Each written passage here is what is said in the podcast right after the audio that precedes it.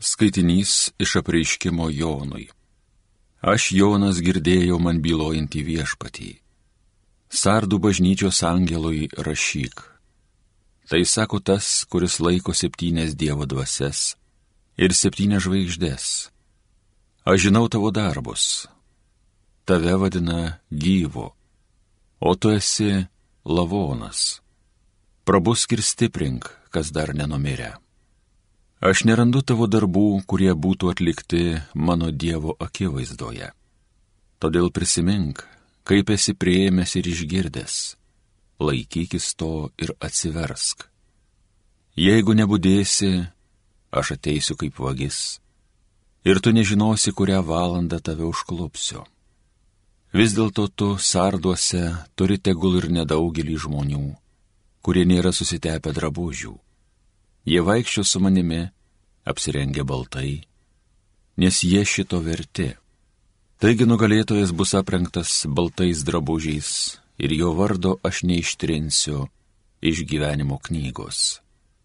Aš išpažinsiu jo vardą savo tėvo ir jo angelų akivaizdoje. Kas turi ausis te klauso, ką dvasia kalba bažnyčioms.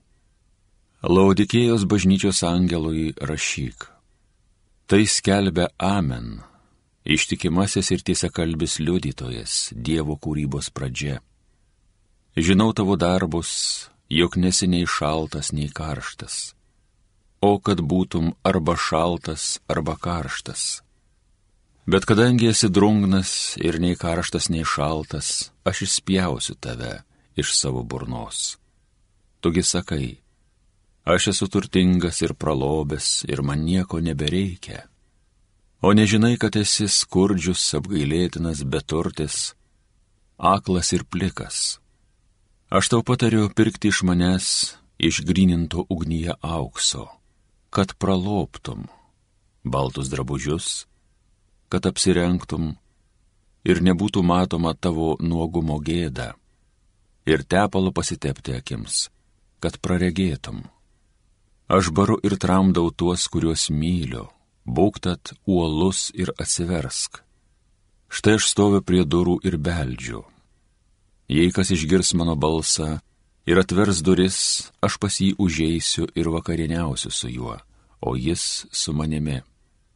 Nugalėtojui aš leisiu atsisėsti šalia savęs savo sostę, panašiai kaip aš nugalėjau ir atsisėdau šalia savo tėvo jo sostę.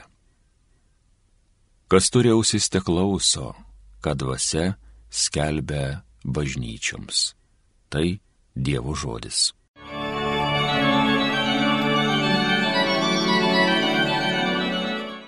Nugalėtojų aš leisiu atsisėsti šalia savęs, savo sostę. Tasai, kas nesuteptas vaikšto, kas elges teisingai, kas iš širdies kalba tiesą, kas liežuviu nie vieno nešmeižė. Nugalėtojui aš leisiu atsisėsti šalia savęs savo sostę. Kas kitam nieko piktą nedaro, neužgaulioja kaimyno, kas griežtai nedorėlį smerkia, o viešpaties bijančius gerbė. Nugalėtojui aš leisiu atsisėsti šalia savęs savo sostę. Kas be palūkanų skolina, nepriima kyšių prie žmogų nekaltą, Kas šitai poselgės, bus tvirtas per amžius. Nugalėtojui aš leisiu atsisėsti šalia savęs savo sostę. Alleluja, alleluja, alleluja. Dievas mus pamilo ir atsiuntė savo sūnų, kaip permaldavimą už mūsų nuodėmes. Alleluja.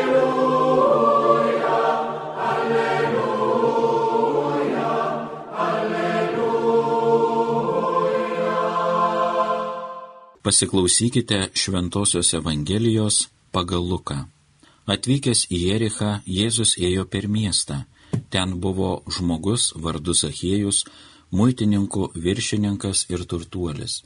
Jis troško pamatyti Jėzų, koks jis esas, bet negalėjo per minę, nes pats buvo žemo ūgio. Zachėjus užbėgo priekin ir įlipo į šilkmedį, kad galėtų jį pamatyti nes jis turėjo praeiti pro tą medį. Atėjęs į tą vietą ir pažvelgęs aukštyn, Jėzus tarė, Zachėjau greit lip žemyn, man reikia apsilankyti tavo namuose. Šis skubiai nulipo ir su džiaugsmu prieėmė jį. Tai matydami visi murmėjo, pas nusidėlį nuėjo į svečius. O Zachėjus atsistojęs prabilo į viešpatį. Štai viešpatie, pusę savo turto aš atiduosiu vargšams ir, jei ką nors nuskriaudžiau, gražinsiu keturgubai. Jėzus tarė, į šiuos namus šiandien atėjo išganimas, nes ir jis yra Abraomo palikuonis. Žmogaus sunus atėjo ieškoti ir gelbėti, kas buvo pražuvę. Girdėjote viešpatie žodį.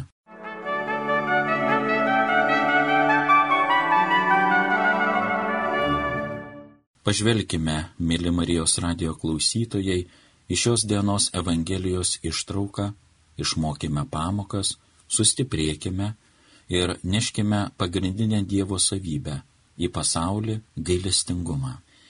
Zachėjus, muitininkų viršininkas, tai vagių vagis, plėšikų plėšikas. Tačiau yra vienas bet. Visi švento rašto vardai, su kuriais susidurėme, turi vertimą ir prasme, nes jie nėra šiaip savo vardai. Vardas Zachiejus reiškia tyro širdies arba švarus. Švarusis, tyrasis muitininkų viršininkas ir turtuolis. Ar čia yra logikos? Kaip galima būtų būti muitininkų viršininku, turtuoliu ir dar švariu, tyru žmogumi? Čia reiškia yra kažkoks netitikimas ir Jėzus bandys paaiškinti tą netitikimą, nes ir ta istorija kurią skaitė skaitytojai vėliau, turėjo intriguoti, nes sakinys savaime buvo priešingi dalykai. Jis troško pamatyti Jėzų. Galėjo ir pasibaigti taip sakinys, bet negalėjo per minę, nes pats buvo žemo ūgio. Tačiau tie žodžiai, koks jis esas, tai yra daugiau negu pamatyti. Šventajame rašte tai reiškia pažinti, susipažinti, kažką patikrinti. Ir tada jis susiduria Zachiejus su dviem kliūtimis. Pirmoji kliūtis tai buvo žemo ūgio. Ir čia yra tokia ironija, kuri yra tiesa apie kiekvieną iš mūsų. Tu negali visko turėti ir viskas būti. Jis muitininkų viršininkas, jis turtuolis, bet žemo ūgio. Yra kažkas, kas išlenda kaip trūkumas, ar matomas, ar nematomas, bet kiekvienas tą turime. Atrodo, ko jam daugiau norėti, taigi visko turėti negali o kita kliūtis - minė, kuri yra didžiulis pavojus ir valstybei, ir bažnyčiai, ir visuomeniai, ir bet kam, kas tampa minė. Kartais kaip minė galime sustabdyti tankus, bet tada jau kitaip vadinamės - tauta, nes minė turi negatyvą ir turi išlikti negatyvas. Niekada minios negalime pavadinti pozityvu, nes jeigu minioj kažkas yra pozityvas, tai reikia ieškoti kitų pavadinimų - bendruomenė, tauta, sambūris ar dar kažkas kitas. Šventajame rašte minė tai dvasinio bukumo simbolis. Priklausyti miniai, atstovauti minę arba būti minios dalimi - tai būtent dalyvauti tame dvasinėme bukume. Minė nesupranta Jėzaus, bet kartu trukdo kitiems jį pamatyti ir pažinti. Minė nenori pažinoti, koks Jėzus yra. Ji nori pamatyti ir išgirsti kaip naujieną, kaip šviežieną, kaip naują skandalą. Šiandien mūsų žiniasklaida viską duoda miniai tarsi kokį kamuoliuką. Ir tada minę gali nuvesti kur tik nori, nesimato tik kamuoliuką ir nieko kito. Bet kartu ta minė gali būti stabdis, kliūtis arba siena tiems, kurie nori pro ją kažką pamatyti, šiuo atveju Jėzų. O Zachėjus įlipo ne į bet kokį medį, bet į šilkmedį. Įlipus į medį jis gauna aukštesnį ir geresnį matymą, tokį kaip pranašo Amoso, kuris buvo kerdžius ir šilkmedžio vaisių nukintojas.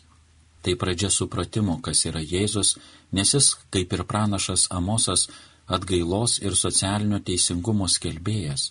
Tas veiksmas, kurį padaro Zachėjus įlipęs į šilkmedį ir gavęs matymą, jis gauna pranašo matymą, jis to veiksmu palengva pradeda gauti supratimą, kas yra Jėzus, kas yra tas, kurį jis nori pamatyti. žydai gerai žinojo Senąjį testamentą. Tai čia pranašas Amosas, kuris iš tiesų skelbia atgailą savo pranašystėse ir socialinį teisingumą, kuris kalbėjo, kad pirmiausia vargšams turi būti skelbiama geroji naujiena.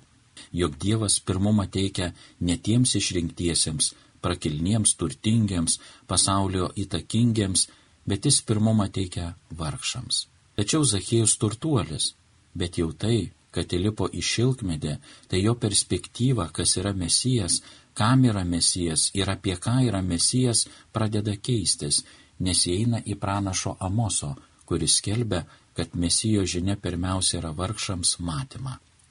Šilkmedis tai labai aukštas medis, bet jis yra figų medžio tokia tarsi laukinė atmaina. Jeigu figų medis yra jau vaismedis, tai čia yra kažkoks miške augantis medis, kur yra prastesnės kokybės, bet jis duoda vaisius figas. Šilkmedžio, šilkmedžio vaisius yra figa, bet kitokia, prastesnė figa, netokia saldi ir netokia skani. Tačiau, kad prinoktų bet kokią figą, tai reikia jai padėti. Prieš skinant reikėjo pradurti luobelę ir vaisius gavęs oro sunokdavo. Naturalių gamtinių būdų tą padarydavo vabaliukai dažnai natūraliu būdu ir nesunokdavo. Taigi, kad neprarasti derliaus, vaisiaus, tai jį reikėjo dirbtinai pradurti, kad jis sunoktų ir gautų oro, kažkaip sureaguotų. Šilkmedžio vaisiai buvo vargšų maistas. Vargšai galėjo prisinokinti ir prisiskinti šitų šilkmedžio vaisių bei valgyti. Piga suspausdavo į papločius ir tai buvo kelionės duona, ilgai išliekantis maistas karo arba žygio atveju. Tai buvo vargšų duona. Turime ne tik pranašą Mosą, kuris kelbė vargšams tą gerąją naujieną, pranašystę, bet mes turime ir šilkmedį kaip vargšų vaisių medį. Turime turtuolį lipusį į šilkmedį, į kurį normaliai lipa vargšai nukinti vaisių, kad turėtų maisto. Kontrastas didėja, bet stebina tai, kad tai nešokiruoja paties Zachėjaus, o aplinkinius taip. Įlipo į šilkmedį Jėzus leidosi prikalamas prie kryžiaus medžio ir pakeliamas virš minios, kad prominė ir išminios jį kas nors pamatytų, kad susitiktų bei iškirstų žodžius. Dar šiandien su manimi būsi rojoje. Arba štai tavo motina, štai tavo sunus. Kam reikia Dievo, kas priklauso Dievui. Taigi Zachėjus skuba ir Jėzus jo nestabdo. Priima tą greitį ir dalyvauja tame greityje Zachėjau, greit lip žemyn, kad galėtum suspėti pasiruošti ir primti mane. Bėgimas ir skubėjimas - tai susijaudinimo ženklai. Kada esame dėl ko nors susijaudinę, tai atsiranda skuba, toks bėgimas. Ten, kur mums neįdomu ir nesvarbu, tai neskubame. O kas mus, mūsų tikėjime, vis dar sujaudina? Kas mus dar išprovokuoja skubai arba tokiam jauduliui? O gal koja už kojos laukiame, kada baigsi šitą ašarų pakalnį, pareigos, darbai, projektai, pensija ir taip toliau. Bet buvo momentų, kai turėjome paroko tokio greičio. Žmonės turi tik truputį pajudėti link Dievo, kuris kaip išprotėjęs skuba pas juos. O tiek daug žmonių nepajuda. Malonė laukia mūsų pirmo laisvės judesio. Dievas labai pagarbus bet tik pajutęs mūsų judesi skumba kaip įsimylėjėlis pasinaudoti progą pasibučiuoti. Apsilankyti namuose - tai įeiti kito žmogaus sąmonę, vidaus pasaulį, į aš tikrovę ir ją pripildyti, perorientuoti pagal save. Mes ne bet ką įsileidžiame į namus, nes įsileidus į namus kitą žmogų, įsileidi kitą pasaulį, kuris gali išderinti tavąjį taip, kad nebegalėsi savo namuose būti. Bus parodyta ar tavo namų netvarka, ar kažkoks netobulumas ir panašiai. Man reikia šiandien apsilankyti tavo namuose. Atrodo, kad to paties nori ir Zachiejus - kitokio gyvenimo, kitokios prasmės, kitokių tikslų ir vertybių. Ar aš noriu, kad Jėzus pas mane užeitų? Nes jeigu jis užeis, tai jis gali išprovokuoti pokyčius, kuriems esu nepasirengęs, nepasiruošęs ir tada yra viskas tvarkoje, kad būk tu Jėzau bažnyčiai, būk tabernakulyje, šventame namelyje, Bet tu tik neišeik iš bažnyčios ir nepradėk kištis į mūsų politiką, gyvenimus, mokslus, darbus, planus, siekius ir visą kitą. Tu pasilik bažnyčioje, tai mes tave aukso apipilsime ir apipuošim kuo tik nori, bet tik tu nesikiški mūsų gyvenimus. Ar norėčiau, kad užeitų Jėzus? Kiek ilgam? Ką jam namuose leičiau pamatyti?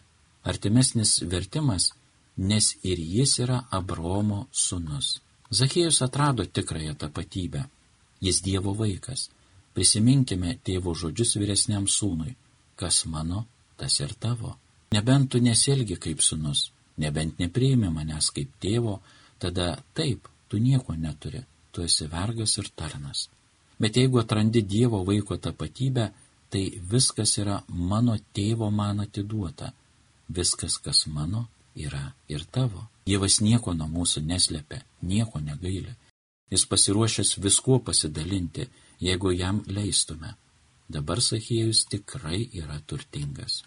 Bet tam Jėzus ir atėjo, gelbėti kas pražuvę, nesvarbu kokiuose namuose, ne muziejuje, ne rūmose būti, netgi ne bažnyčioje, o ten, kur reikia gelbėti tėvo nusavybę.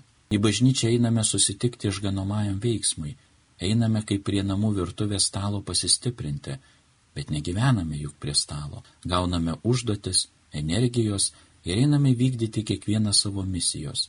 Jėzus nenori sėdėti virtuvėje, jis nenori sėdėti tabernakulyje. Jis nori eiti ten, kur kažką reikia gelbėti, kur reikia su kažkuo susitikti.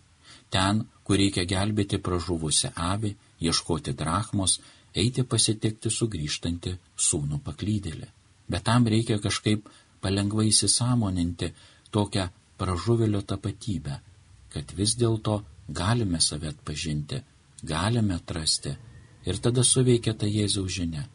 Jeigu nesijaučiu niekur pražuvęs, nei joks pražuvelis, tai kad Jėzus atėjo gelbėti tų pražuvelių, tada man ir taip gerai, nes iš niekur gelbėti nereikia. Atsivertimas nenurašo praeities skolų. Jeigu tik yra galimybė, reikia stengtis skriaudą atlyginti, skolą sumokėti. Kad Zachėjus atsivertė, tai nereiškia, jog viskas gerai, kad aš dabar su Dievu ir prieš visus kitus esu teisus.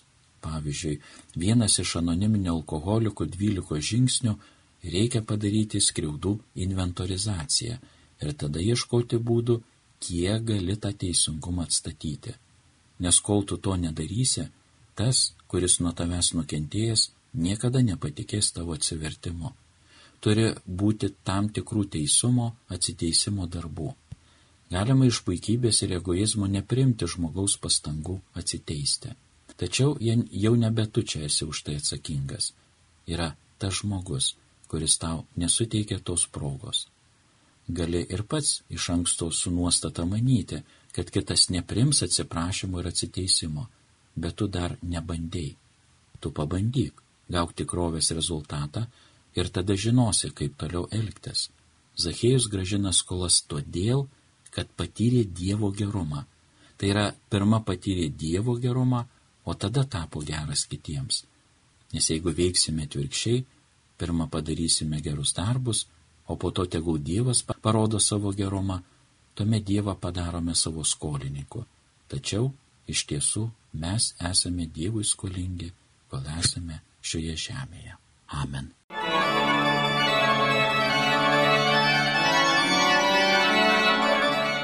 Homilija sakė kunigas Juozas Fakėjevas.